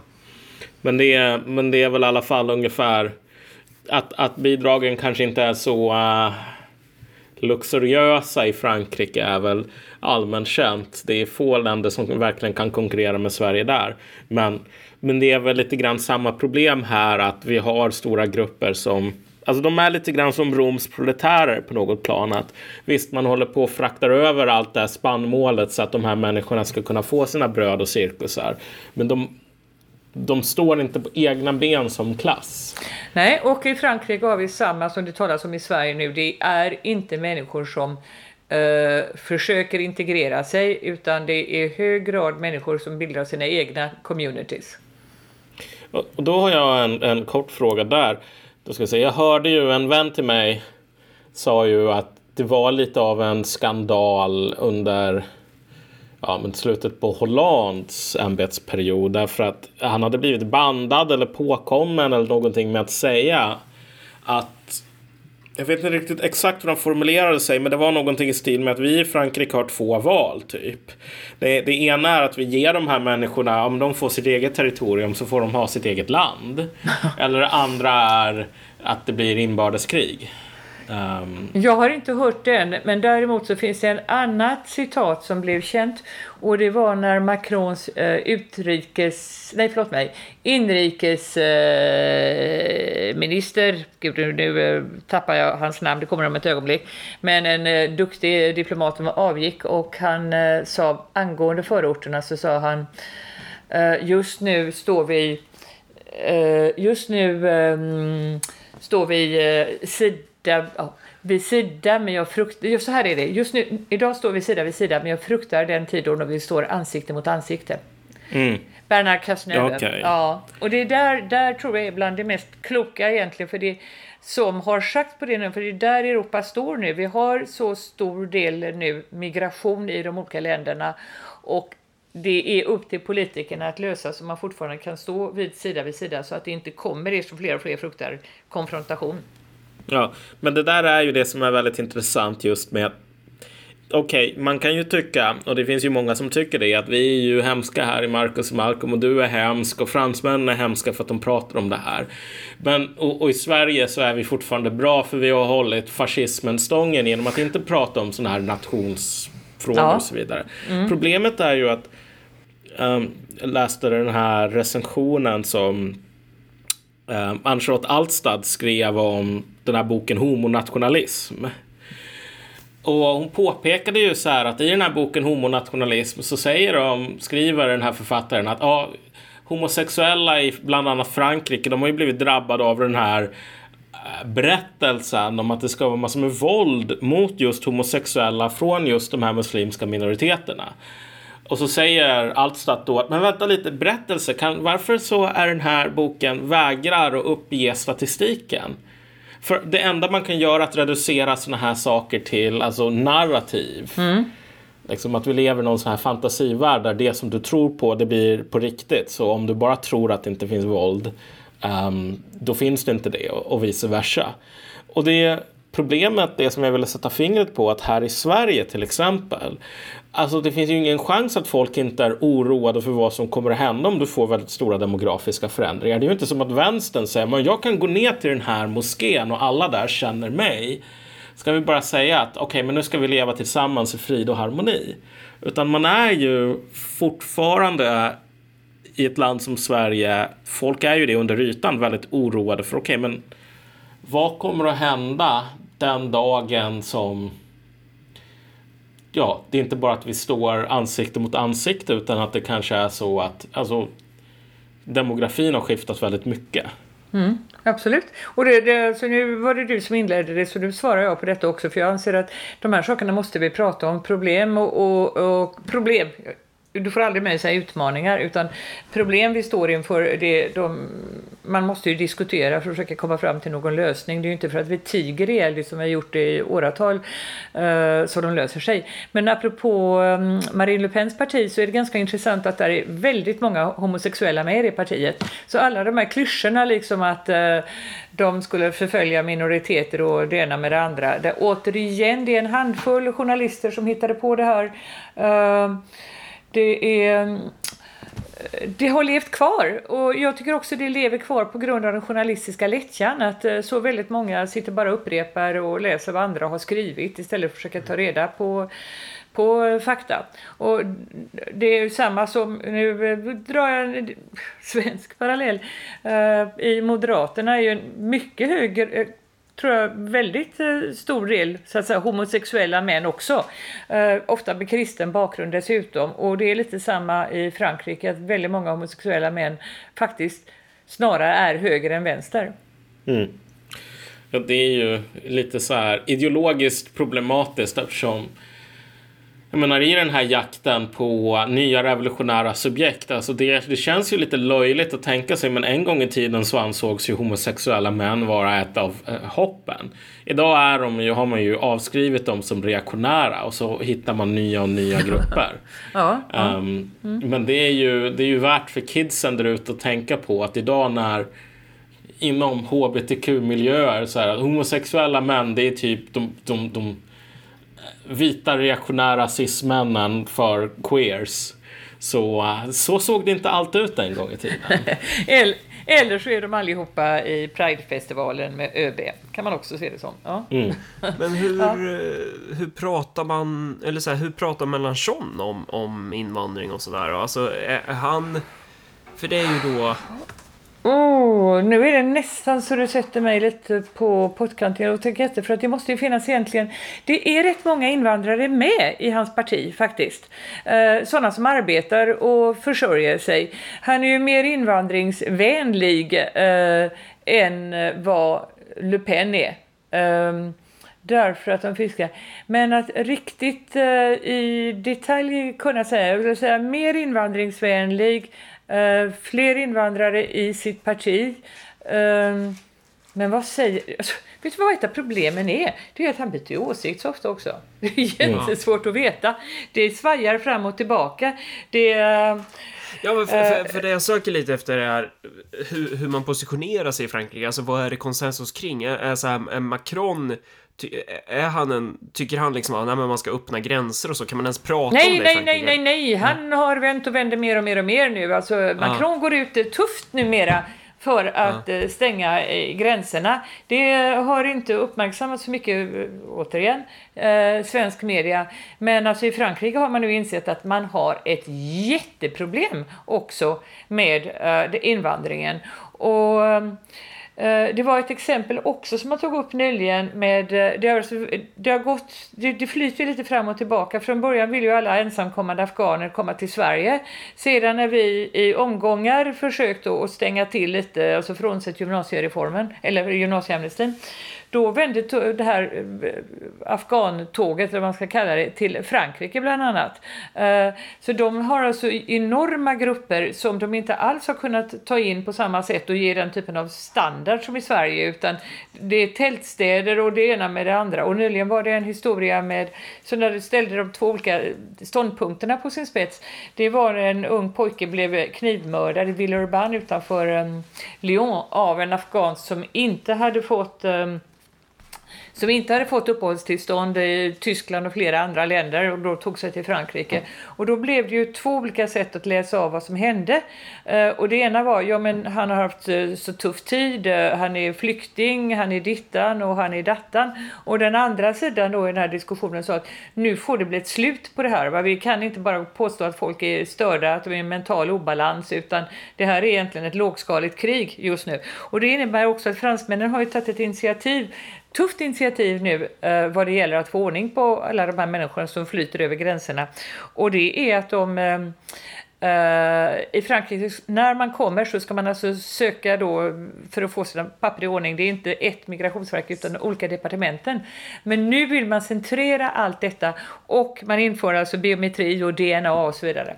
Mm, Okej. Okay. Det där är väl intressant. Det känns ju som the way of the future på något plan. Ja. Men som boende i Uppsala så över tid har man ju märkt att det finns ju någon sorts um, väldigt sådär komplexa men um, ganska ogenomskinliga regler för hur de här förflyttningarna, lite som tidvattnet. Uh, först så kommer vågen in, sen kommer den ut. Det var ju jättemycket problem med så här marockaner ett tag runt um, centralstationen, jättemycket brottslighet och så vidare. Men sen så tror jag att polisen gjorde några tillslag och så vidare. Och då var det så att hela gruppen bara um, reste sina bopålar så att säga och så drog de iväg till andra länder eller till andra städer. Och det där, det som du tar upp nu är ju någonting som har varit en, en faktor i Europa ganska länge. Att, ja, men, Alltså det finns liksom inget, ing, väldigt lite permanent i just, det finns någonting nomadiskt här inom den här eurozonen för de här grupperna som politikerna har haft svårt att hantera. Ja, och just därför är det naturligtvis lysande om man kan komma till den här typen av identitetskontroll som gör att du inte samtidigt kan gå på bidrag i Tyskland och Sverige till exempel. Mm. Mm. Ja, ja, nej, men, men sen är det också det här att problemet tror jag att, och det här är ju jättetydligt om du tänker dig ja, men, svenska vänstern, miljöpartister och så vidare, att de tänker sig som i Full Metal Jacket, typ att i, inom varje guling så gömmer det sig en amerikan, eller i det här fallet svensk. Ja. Så att man mm. tänker sig att den är, det enda som folk längtar efter, det är precis vad de längtar efter, vilket är att komma till ett ställe um, få någon sån här uh, bostadsrätt, göra en bostadskarriär, sitta där och planera alltså, fondväggarna, vilken uh, ton av uh, krämfärg som det ska vara på dem medan man håller på och beställer in en ny sådär marmoryta till köksön. Ja, och det... liksom, mm. och, mm. och, man, har ingen, man har ingen uppfattning om att så här att Alltså om du tänker dig så här, marockanska gatubarn till exempel. Det här är inte en värld som de kan relatera till. Så det är inte så att de kommer som rådjuret Bambi för att bli en del av det här. Det, men det, jag tror att väldigt många av de människorna som tror att man blir svensk när man vandrat över, eller tagit tåget över Öresundsbron rättare sagt, uh, de har aldrig bott i länder som är så kulturellt annorlunda. Men jag då som har jobbat så mycket i Nordafrika och dessutom ser den gigantiska skillnaden på bara marockaner och algerier vad det gäller kulturer. Det är så att det här bär du ju med dig hela tiden och i synnerhet som vi har tagit emot så mycket grupper som kommer egentligen från de sämst eh, utbildade delarna av de här länderna så är det gigantiska skillnader. Men jag vill också bara en liten passus alltså för att Marocko har utmålats så väldigt mycket med de här marockanska gatubarnen därför de uppger sig vara marockaner. Eh, mm. Jag misstänker starkt att en hel del av dem också är algerier. För här tog vi nyligen upp, upp i skogen bakom där jag bor en man som med kniv attackerade grannarna och visade sig vara algerier och alla sa oj oj oj kommer det algerier ungefär va. Men alltså det finns ju inga riktiga ID-koller. Nej. Men det här snacket, men vi var ju inne och pillade på det där lite, men det känns inte som vi kom någon, att vi inte gick vidare på den tråden riktigt. Men det här snacket om att man, att man eventuellt kommer att ha inbördeskrig och sådär och att, att det nu är röster i den offentliga debatten i Frankrike som pratar om att um, ja, men den här attacken från en afghan, att det ska ses som ett lågskaligt krig. Alltså, hur, hur ser temperaturen ut där? Fransmännen har ju drabbats mer än någon annan i Europa nästan med hela, ni ja. minns Bataclan och, eh, hela, och den prästen som eh, blev, fick halsen avskuren och det ena med det andra. Så de har, har plus Nice, 14 juli vid Nice eller om det var 13 juli på kvällen där. Så de har ju verkligen varit med om det hela. Jag vill påstå att det, det hårdnar och det hårdnar snabbt. Det är nästan parallellt med Sverige för att eh, så sent som idag så gick ju gamle KD-ledaren ut och sa vi måste samarbeta eller ta in eh, SD och det hade ju varit otänkbart för några år sedan. Så att alla försöker ju nu och, det, och, och likadant eh, man ser den enorma, även om han gjorde ett felaktigt politiskt drag, så ser man den enorma populariteten som Salvini har i Italien. Så att mm. runt omkring i Europa så håller det på att hårdna. Ja, det roliga, om jag ska bara inflika väldigt kort här, är att det var Alf Svensson som gick ut och sa att SD måste sluta isoleras. Ja. Och Alf Svensson har ju inte varit en, en, en hök på de här frågorna direkt, utan Alltså han blev ju citerad av en gillande Kajsa Ekis Ekman som ett exempel på den bra sortens borgerlighet för att den var så medmänsklig. Ja, du ser, ja, det är där, alltså, och nu händer det. Det är ju någonting som pågår i Sverige just nu där man alla försöker bli SD light eller vad det nu är. Ja. Det som pågår rent konkret är ju att alla förstår att om ett par år så kommer ju kommunerna att vara, vi kommer att vara i en sån här Grekland situation i Sverige i princip. Jag tror bara en av de här tusen kommunerna som har problem. Så Gävle tror jag gick från att ha i, i, sin budgetprognos. Förra året så var det, eller det här året så var det att man hade eller sorry, förra året hade man ett litet överskott. Nu tror jag att man förutspår och går mot 100 miljoner i underskott. Det är kommun efter kommun eh, helt enkelt. Och jag ser ju rika kommuner som eh, Kungsbacka till exempel, där de sitter och brottas med det här också. För att man ökar ju även Robin Hood-skatten och man vet att det är så uppenbart. Man bygger och bygger och man bygger alltså för de här kommunplacerade nu och samtidigt så säger man öppet att det kommer inte vara politiskt möjligt, även om de har tvåårskontrakt, att eh, skicka ut barnfamiljer om två år och då går ju hela försörjningsbördan över på kommunen. Så det är det man ser framför sig överallt. Samtidigt som jag inte på väldigt länge har hört en enda politiker tala om de enkla jobben. Mm. Nej, alltså det där vet man ju att det är ganska dödfött om man nu inte är beredd att subventionera anställningar, vilket inte någon är beredd vad, att göra. Mm. Vad, vad tänker du där ja. då? De enkla jobben, vad är det då? Eller vad menar du? Ja, alltså, vad, vad borde man prata om? Eh, jag sa att de gjorde ju det. De trodde ju att eh, vi skulle kunna få hög anställningsgrad ah, genom okay. att vi hittade Då på enkla jobb. Men ingen ja. har ju kunnat formulera vad det är. Nej, Nej. precis. Det var bara subventionerade paché-maché-verkstäder, typ. Ja. ja. Och de kostar så otroligt mycket pengar så det är ju någonting som folk förstår att Alltså det är ingenting som man gör för att avhjälpa en kris. Det är bara någonting som förvärrar krisen. Om, om nu det krisartade här är att man inte har massor med pengar. Och då, där, kan säga, där är vi i Sverige, men där skillnaden med Frankrike är att man vågar mer rakt ut i Frankrike säga att det som är en försvårande faktor för att det ska fungera är islam och mm. eh, islamiseringen. Ja, nej men alltså problemet är väl så här att um, Alltså det, det som är, egentligen är försvårande är ju inte så himla mycket någon sån här typ sekulär iranier som håller på och dricker sprit för att det är julafton och man hälsar på ens polare som typ firar julafton och så bara, ja ah, men vad fan, tar seden dit man kommer. Det är ju inte, de, de människorna har ju inte så himla mycket äh, ett chauvinistiskt projekt så att säga. Men, men i den här krocken med människor som liksom säger att det här är, så här lever vi. And you can just fuck right off. Ja. Då, det är där vi har problemet framöver. Ja. Mm. Men, Men det är inte... Så, ja, vad tänkte du fråga? Nej, jag bara sitter och funderar på på vilket sätt det är relevant för, för, för liksom varför ska svenskar bry sig om den politiska situationen i Frankrike överlag? Typ, vad, vad, finns det att lära sig? Vad finns det liksom... Då återvänder vi till det jag sa. Därför jag sa att ja. Frankrike ligger en 6-10 år eh, före oss ja, mångt mycket. Mm. Det som jag har sett eh, komma när jag var korrespondent så länge i Frankrike i 15 år mm. Jag försökte varna, varna, varna de svenska politiker, vilket på den tiden var, väl, ja, det var allt ifrån Pierre Schori till Carl Bildt i olika omgångar. Eh, och säga till se upp, se upp, se upp. Och ingen ville lyssna någon gång. Vi ska verkligen titta vad som händer i Frankrike. För att titta, vi fick Marine Le Pen före det att vi fick Sverigedemokraterna. Uh, vi får, uh, franska partierna har mer eller mindre upplöst. Det är långsammare i Sverige men det, det, det kommer att hända för att folk röstar på de traditionella partierna just nu för att de röstar mot något annat eller inte har mycket att, att, att välja på. Uh, du ser, uh, ta bilarna, det här med att sätta eld på bilarna och stenkastning mm. på brandkåren. Det började 10-15 år före Sverige i Frankrike. Och sen kom det precis samma sak i Frankrike. Nu har de alltså mer och mer och mer av de här fruktansvärda knivhuggningarna och terroristdåden och så vidare. Och att de har lyckats alltså inte att inlämna de här förstadsområdena med en stor omfattande eh, muslimsk befolkning i Frankrike utan tvärtom så radikaliseras de här förortsområdena.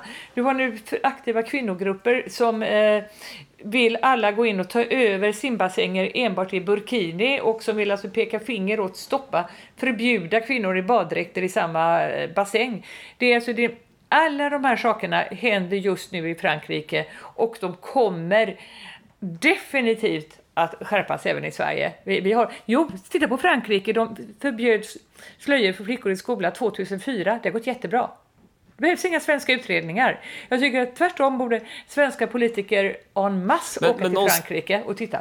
Men någonstans har man väl misslyckats då ifall det fortfarande finns en massa problem Alltså, man, man ja, har väl inte ja, varit Ja, man har misslyckats i Frankrike. Totalt. Ja. Men man har misslyckats och det är just därför Sverige inte skulle behöva göra samma stora misslyckande Nej. som fransmännen Nej. gjorde. Och då är det en sak till som är viktig där tycker jag. Då hade Frankrike eh, på sätt och vis en mycket lättare situation än eh, Sverige. Därför för det första större delen av de här eh, som invandrare till Frankrike kom mm. från gamla franska kolonier. De talade franska, de kände till de franska administrativa systemen. Och fransmännen som en gammal kolonialmakt hade också större kunskap om kulturen hos de människor som kom. I Sverige har vi ingenting av detta. Vi har alltså människor som kommer ifrån fullständigt främmande kulturer och som inte förstår den svenska kulturen överhuvudtaget. Och när man då ser att Frankrike trots detta inte lyckas, men att de försöker, det finns alltså en rad projekt i varje fall i Frankrike, då borde ju svenskarna inte vara så jäkla självgoda utan vi borde ta oss ut över våra gränser och se vad som händer i alla länder. Och jag har svårt att inte tro att samma sak ska hända i Sverige som det har hänt i Frankrike. Att Socialdemokraterna och Moderaterna kollapsar. Och Nej, det tror vi också. också. Ja. Det tror vi också. Ja, mm. ja så, men det är en av de här, om vi nu ska Um, för, för, jag tänkte just fråga det, om, om vi nu tänker oss att det här kommer att fortsätta att hålla, det här med att uh, Frankrike visar vägen. Um, då, då en av de sakerna som kommer att ske i Sverige framöver tror du att uh, de här två stora partierna, det socialdemokratiska, socialistiska och där gamla moderata högerpartiet, att båda de kommer att få enorma problem. Ja, så jag ser bara det som är den stora frågetecknet i Sverige, det är att jag ser ingen karismatisk politiker, uh, yngre, annorlunda ifrån något håll. Därför att det är ingen jag som säger... Jag sitter ju här ju! Här är du! Det är bara, ja förlåt, men du kan inte bara forma Sverige efter Örebro, du måste ut över dina gränser, du får inte vara så ja, lokal. Okay. Ja, dra, igång, dra igång det och se vad som händer, varför inte? Ja, ja det, det, det... Ett helt gäng, det är väl fler och fler, Precis. eller? Ja. Först, först Närke, sen hela Sverige, sen hela Skandinavien. Alltså. Nej, men just, just det där tomrummet är ju, alltså det, det är ju därför man blir lite stressad då och då, för man ser ju det där. Man ser ju en potential i att vi, jag tycker att vi redan har det där tomrummet i, i ja. Sverige. Bara det att, att det formellt ja. inte har kristalliserats i och med att de här partierna inte har pajat än.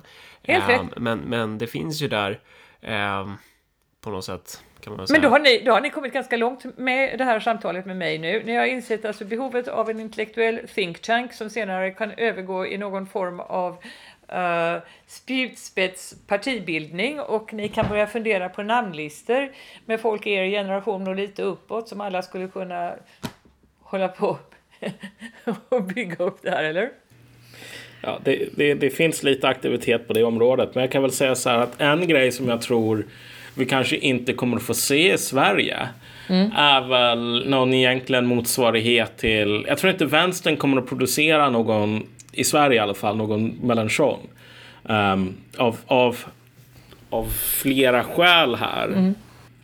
Um, jag tror man kommer att gräva ner sig i skyttegravarna och sen så kommer man att... För, för, för det intressanta med vänstern i Frankrike är ju att den långsamt börjar röra sig in i den här eh, uh, vänster tandrutan om vi säger så. Men, men är, är det så? Ja, jag håller inte riktigt med. För jag tycker inte det finns en vänster i Frankrike. Det finns ja. en myriad okay. av små vänstergrupperingar. Ja. Uh, och de är mycket aktiva. De är antingen för att de har ren arbetarbakgrund eller för att de är intellektuella. Uh, jag ser i Sverige bara ett fullständigt statiskt och ointressant ja. vänsterparti. Uh, vi har inte traditionen, vi är för små, vi är för bonniga. Ehm, det... Um, ja, ja, vi sitter nog alla tre och funderar på varifrån skulle liksom en, eh, en eh, livsduglig eh, politisk rörelse kunna växa fram. Jag ser den inte just nu. Nej, nej, det återstår ju att se faktiskt. Ja, men du som sagt, Marcus, ser det som en uppgift? Ja, nej men, ja, jo. Alltså jag, jag, ser det inte som så himla otänkbart att, att vanligt folk bara skulle formera partier. Problemet är ju det där att man ska bygga de där partierna också. Ja. Ehm, men, men utrymmet finns ju och jag menar vi är ju ganska överens i det här landet. Vi är ju alla någon form av det, även om man kanske inte vill erkänna det så är vi ju alla ganska indoktrinerade i det socialdemokratiska samhällsbygget. Mm. Ehm, och många av de väljare jag pratar med det är ju personer som Alltså när de ska rösta till riksdagen så man röstar ju inte för någonting utan man röstar ju på det som är minst dåligt och då är det ofta Socialdemokraterna eller Sverigedemokraterna. Men, men det finns ju ett utrymme skulle jag säga, ett skitstort utrymme mm. inom vad jag skulle säga som vänstertand. Ja, och där ser du, du börjar i alla fall med lokal förankring för det stora felet som eh, Medborgerlig Samling gjorde ju var att de försökte börja på riksnivå. Mm. Och ja. det kan ju inte hålla så att säga eh, överhuvudtaget. Nej. Nej, precis. Det är, precis. Ska man hoppa över den där 4 spärren Och, och sen, sen så, så, så, um, det är... I Sverige, i Frankrike hade du en strid på riktigt mellan de olika partierna, även om partierna var eh, absolut inte förankrade på samma sätt som det vi har i, i, Sverige, utan ganska små organisationer egentligen. Men däremot så har vi i Sverige en väldigt, väldigt stark kartellbildning som jag uppfattar det, mellan sju partier nu. Mm. Ja, verkligen. Man, ja, och den är ju jättefarlig för demokratin och det är väl där någonstans ur det. Ja, ja. Men, men, alltså, men, men den sortens kartellbildningar rent historiskt fyller ju rollen av en tryckkokare. Men du vet, Mm. Man låter inte det här trycket um, undkomma på något så här naturligt sätt. Utan man håller bara på och håller kvar det här. Så att det kokar och kokar och kokar. Problemet är att de är designade för att stänga av sig efter ett tag. Om de inte gör det så då blir det inte så himla kul. Så alla försök att hålla locket på på sådana här problem brukar ofta producera sin motsats, alltså att problemen blir värre över tid. Vilket är det farliga med Sverige egentligen. Ja, absolut. Och där frågan är om det finns lite stake i svenskarna eller inte, hur länge de ska knyta näven i byxfickan. Mm. Nej men precis. Det finns ju de som tror att det kommer att ske liksom, för evigt. Men det är nog svårt att föreställa sig hur det skulle funka rent materiellt. Så här, du vet om de ekonomiska problemen kommer att bli så illa så alltså, då är det inte en fråga om en hobby eller moral eller utan det är fråga om att sätta mat på bordet till sina barn. Aha. Det är ju då mm. som mm. folk verkligen blir ja, om du nu ska ta franska revolutionen som ett exempel. Mm. Så um, alltså, precis som i väldigt många andra revolutioner så var det ju ja, dels massor med arga unga män, men sen väldigt arga unga mammor. Yes. Som drev på det här. Mm. Mm. Kvinnornas, kvinnornas marsch till uh, Versailles till exempel. Absolut. Mm. För att när folk inte har mat på bordet åt sig själva eller ännu värre åt sina barn, då då börjar trycket bygga sig. Alltså. Parat med den fysiska osäkerhet som breder ut sig bland kvinnor i Sverige nu. Mm. Uh, som jag till och med som bor alltså i ett typiskt uh, bättre medelklassområde nu. Där nästan alla kvinnor säger till mig att de har förändrat sitt beteende. Du mm. går inte med hunden genom dungen, du går inte ut efter mörkret, du, uh, det sprider sig mer, alltså rädslan och dessutom eh, häromdagen här var det en tioåring, återigen det är inte på, i Uppsala proportioner, men ändå en tioåring som blev slagen av en vuxen maskerad man och så tog eh, mobiltelefonen. Och det är ju sånt som sprider sig vid sidan av, till och med bland de som fortfarande klarar sig ekonomiskt så, mm. mm. så, så, är det så många faktorer nu som samspelar. Mm. Ja, men det är spännande tider. Ja, jag ville gärna vara utan dem. 2017 så satsade jag pengar på att Le Pen skulle vinna presidentvalet. Eh, och, så så, och såg jag något klipp med dig på Youtube där du sa att äh, det kommer inte hända. Ko, ko, ska jag satsa pengar 2022 på att hon kommer vinna valet? Där? Tror du det? Eller vad, vad tror du kommer eh, hända? nej, uh, det värsta är att uh, det, som det ser ut nu, Macron är väldigt illa omtyckt. Han ligger dåligt till. Då och då kommer han upp några procent, men alltså det är en stor majoritet som tycker ruskigt illa om honom. Men bara för att Le Pen står mot honom så kommer han väl att vinna en gång till. Det är tyvärr stalltipset va? och vara lika avskydd som hittills. Därför att mm -hmm. Republikanerna försöker, alltså de försöker att samla sig. Jag hade en kandidat till att efterträda Fion som jag tror var den klokaste av allihopa, men han trädde åt sidan. Han ställde inte upp utan istället så blev det den som är utsparkad nu. Men det är en som är intressant i alla fall att veta vem det är och han heter François Barouin, det stavas alltså Barouine. Därför det smarta draget, han ville alltså inte ställa upp i de spillrorna som Republikanska partiet var. Men det intressanta är vad gjorde han? Han blev ordförande i föreningen, organisationen för Frankrikes borgmästare och Frankrike har 36 000 borgmästare. Mm. Så att det, är ett, jag menar, det är ett styrkeläge. Men det är, det är en liten, uh, eventuellt, han skulle kunna komma tillbaka. Det är någon som skulle kunna locka lite fler. Men för ögonblicket, som sagt, Macron är fruktansvärt illa omtyckt. Han har skapat den negativa bilden av sig själv. Uh, men uh, det ser ut som han skulle klara det ändå. Mm. Ja, det är intressant vad som kommer att hända under den här andra mandatperioden givet hur dramatisk den första har varit. Ja. Mm. Och, och som sagt, de gula västarna har satt igång nu igen. De har liksom börjat efter sommarlovet nu. Mm. har, de, har de haft sommarlov? Ja, då, alla i Frankrike från 15 juli till slutet av augusti så händer det inte mycket. Men nu är de igång. Okej, okay, mm. så nu, är de igång och eldar och eh, kravallar igen, eller vad gör de? Ja, mm. ja. Men det känns ju som att det, känns som att det alltid är så i Frankrike. Men bara... så, mitt, mitt tips är verkligen uh, Försök nu, alltså ni säger att ni inte kan franska, men ni får väl så enkelt sån här översättningsfunktion till engelska på uh, je, je comprends un peu. Förlåt? Je comprends un peu. Ah, men c'est très bien! Ja. Mammal. Jag, jag lärde mig typ lite så här att kallprata, så jag har så här, ingen grammatik typ. Jag lärde mig kallprata när jag bodde i Bamako för att ingen förstod engelska eller svenska. Men du, alltså, sk- när ni eh, åker via Frankrike så finns det ju bara en enda sak så när ni går in. Ni kanske inte gör mer avancerade saker än ni köper bröd på bageriet. Men kom ihåg att alltid, kom inte, ni kan inte gå in och säga att ni vill ha en baguette, utan ni måste först säga bonjour. Och sen helst madame då, eller ta inte mademoiselle för det gillar de inte längre. Va? Men du säger bonjour madame och sen kan du tala om att du vill ha en baguette. Annars kommer de att rätta dig, näpsa dig. Mm. Ja, nej men alltså, nej men jag ska försöka ta och lära mig franska faktiskt starta från början av nästa år. För jag känner att, ja varför inte? Nu har man väntat länge nog på den här äh, äh, listan på saker man måste ta och göra. Ja, Men Varför? Okej, ja. Nej, nej, men då när, revolu- när revolutionen kommer så förstår du den. Det blir jättebra. Ja, men exakt. Fast jag, kanske så börjar revolutionen i, i, i, Sverige den här gången. Från Örebro tågar vi den här gången. Ja, men precis. Ja, no joke. Det är ju här det händer. Fan, Ja. det är ju... Men man borde skicka korrespondenter till Närke alltså. Ja. Men vad tänkte jag för något? Eh, Men, men mer så här om, om liksom framtidsprognos. Alltså vad... vad eh, för, för jag menar... jag, jag, jag är ju fruktansvärt deprimerad. Jag är ju äldre än vad ni är. Jag har ju levt i den här tiden när vi trodde på eh, folkhemmet och trodde på läkare och på advokater och på alla möjliga sådana här människor. Så jag är ju bara totalt desillusionerad och eh, förstår inte överhuvudtaget hur det ska kunna klara sig framöver. Måste jag erkänna, tyvärr. Ja, nej men alltså vi kanske får sätta ett bokmärke i diskussionen på den deprimerande noten här.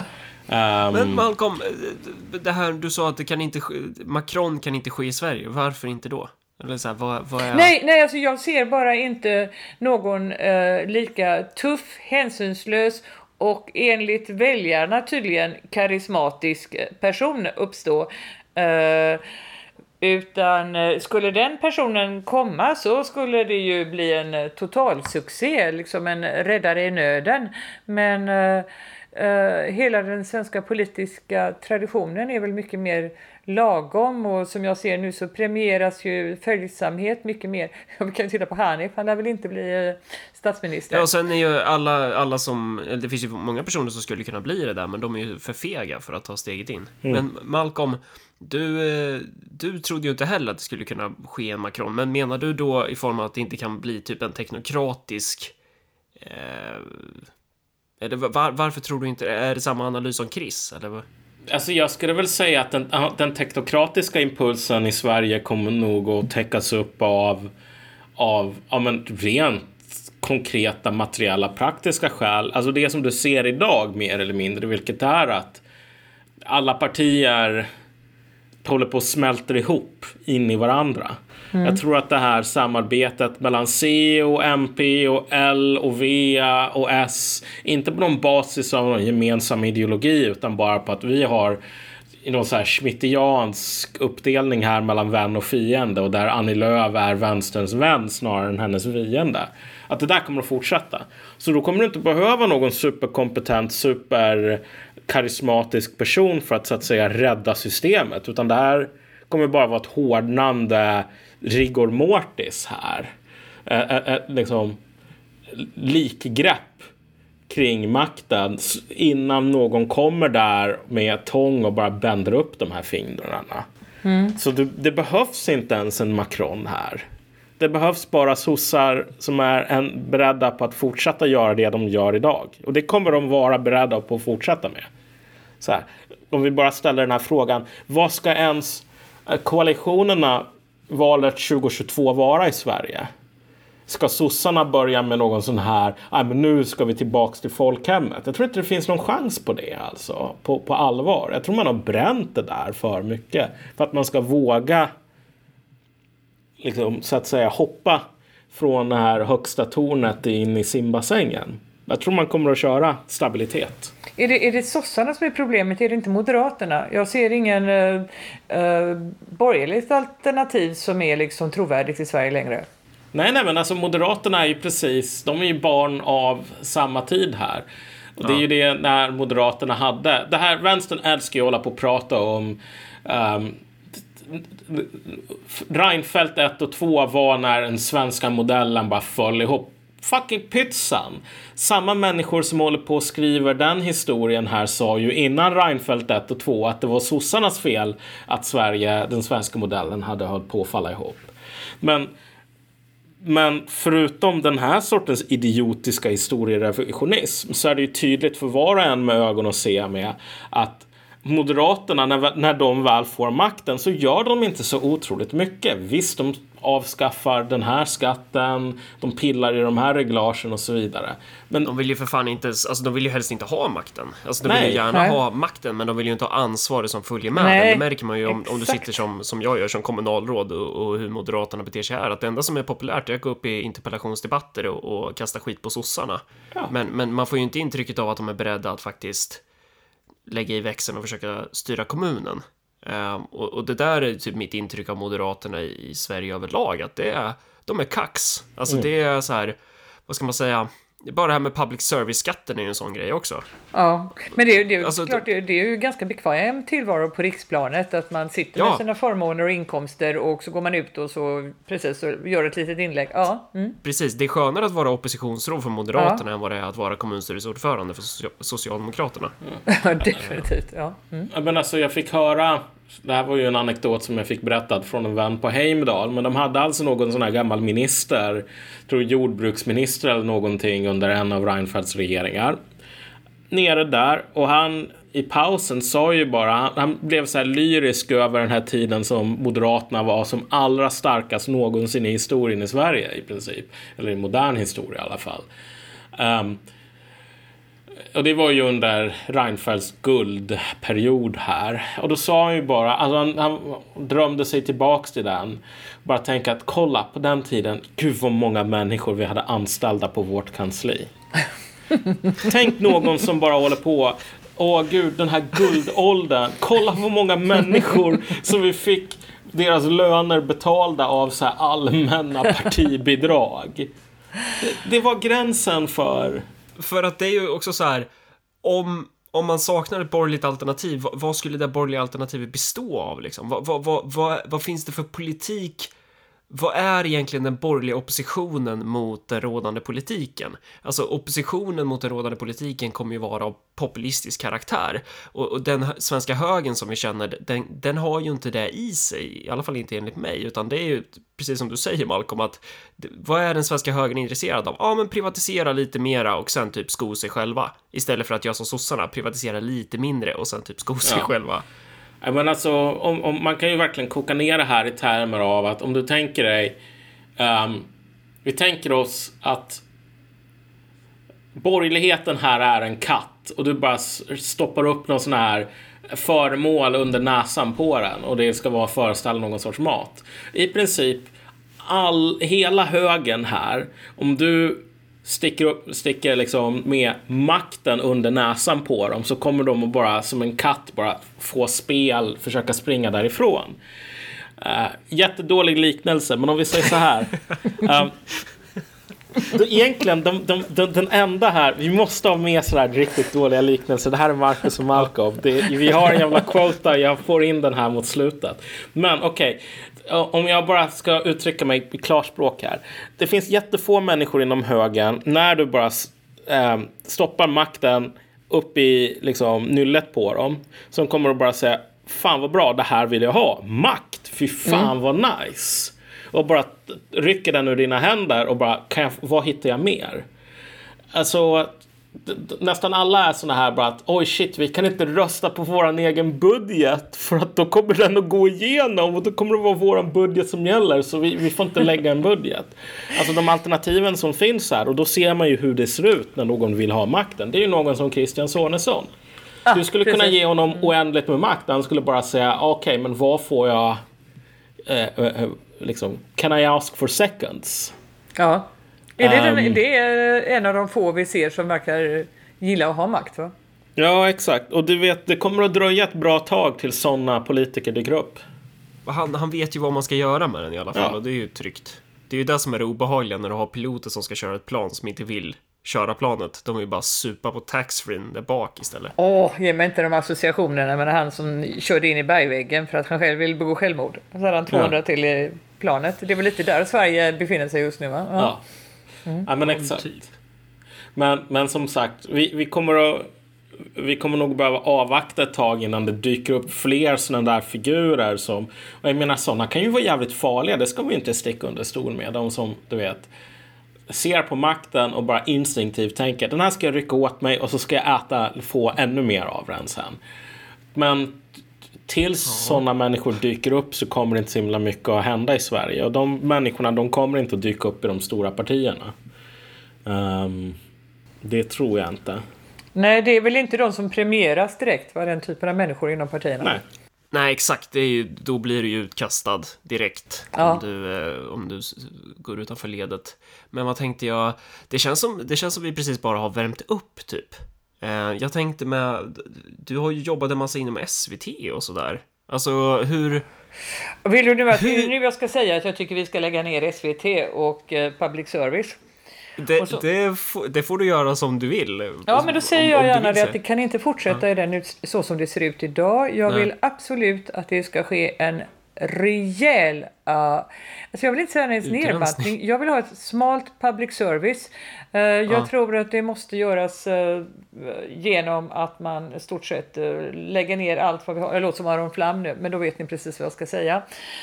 lägg ner det, jag har sett för många människor som jag tycker eh, har förlorat kontakten med sitt uppdrag och ja. eh, går i en egen liten bubbla och jag anser att man ska lägga ner allt som är. Sen ska man bygga upp två smala public service med den alltså, rudimentära uppgifterna och då ska man också rekrytera personalen på ett annat sätt än vad som har gjorts idag.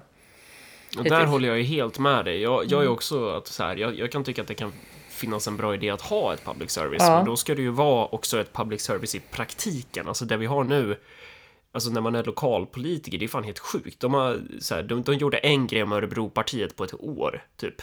Alltså, då har de liksom, de har till uppdrag att bevaka kommunen.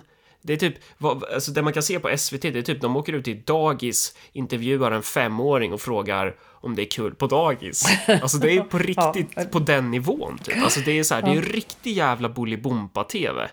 Ja, och sen um, ovanpå det så måste du, eh, så har du redan sett allt du vill se, varenda HBO-serie på HBO och sen ja. ska du titta på den på SVT två år senare. Ja. Mm. Nej, det är så sjukt dåligt. Men vad, vad, har ja. du någon analys där kring varför det gick åt helvete med, eller varför det blev som det blev där? Så, på SVT? Alltså, ja, alltså vad, hur? Um, ja, men alltså det är gradvis. För det första så så, så ja, nu vill jag faktiskt passa på tillfället här och säga emot Janne Josefsson som eh, älskar att säga att Journalisthögskolan i Göteborg var en kommunisthögskola. Det är era fjanterier rent ut sagt. I hans, jag gick årgången under Janne Josefsson. Det var en liten klick av klasskamraterna till Janne Josefsson som var de här revolutionära. Resten var vanliga, liksom allmänna, lite arbetare och medelklassbarn som ville lära sig yrket och en del ville jobba i Örebro och andra ville jobba i Landskrona. Så att det där är en myt. Det, var, det gällde bara Janne Josefsson och hans kamrater. Frånsett detta, så det jag har sett av SVT under årens lopp eh, är att det har blivit värre och sämre. Eh, det fanns när jag började jobba där för en massa år sedan, för jag jobbade först som stringer för dem i Paris under många år. Eh, från med både franskt och nordafrikanskt material och jag sedan då 15 år som främst programledare och redaktör i Göteborg på SVT men med riksprogram. Ehm, det är en kombination av eh, människor som har suttit där alldeles för länge, alldeles för lågt utbildade. Jag anser att de är lättjefulla eh, och väldigt eh, självgoda. Och det är ingenting av det här kan fungera om man ska Jag tycker era exempel härifrån eh, med dagis och Örebro mm. politiskt eh, en gång om året. Det, Absolut. Va? Och dessutom så har vi, på en gång i världen så fanns det ett starkt fack som åtminstone försökte. Det ligger ju rakt ner nu. Det är väl ingen som bryr sig om något fack på Journalistförbundet.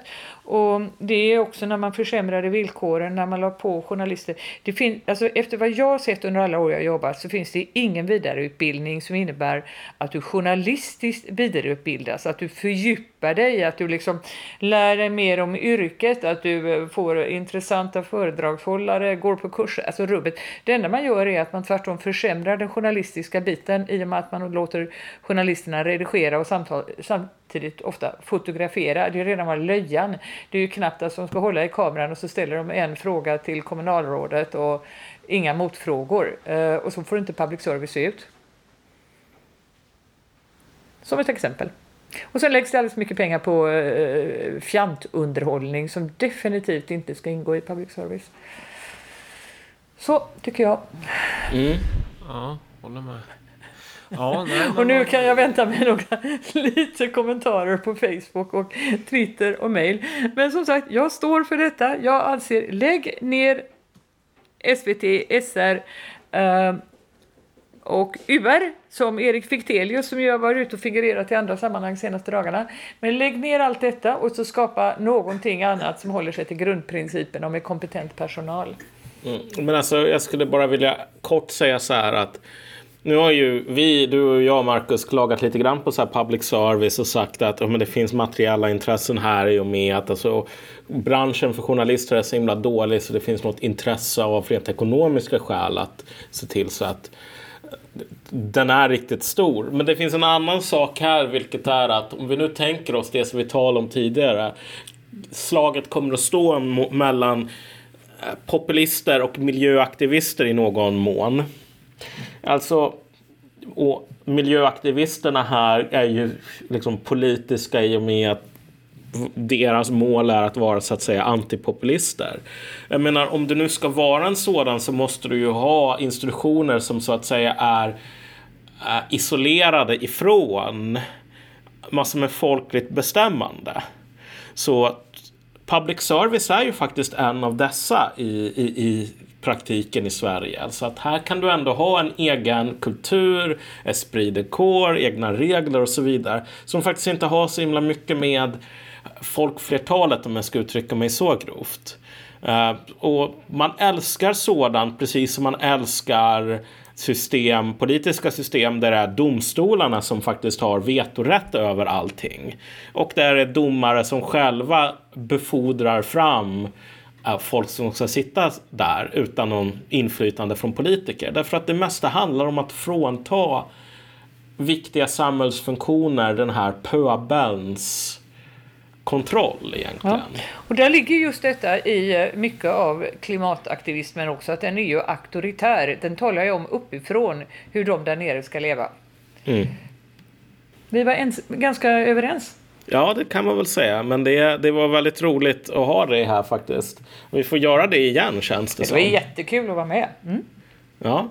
Vi kan dra lite Västsahara kan jag provocera vid något tillfälle. Där är jag den som har uh, följt mest i hela Sverige och den är fullständigt vansinnigt rapporterat i Sverige de senaste 30-40 åren om Västsahara. Ja, det skulle vara jättekul att ha det ja. tillbaks faktiskt om.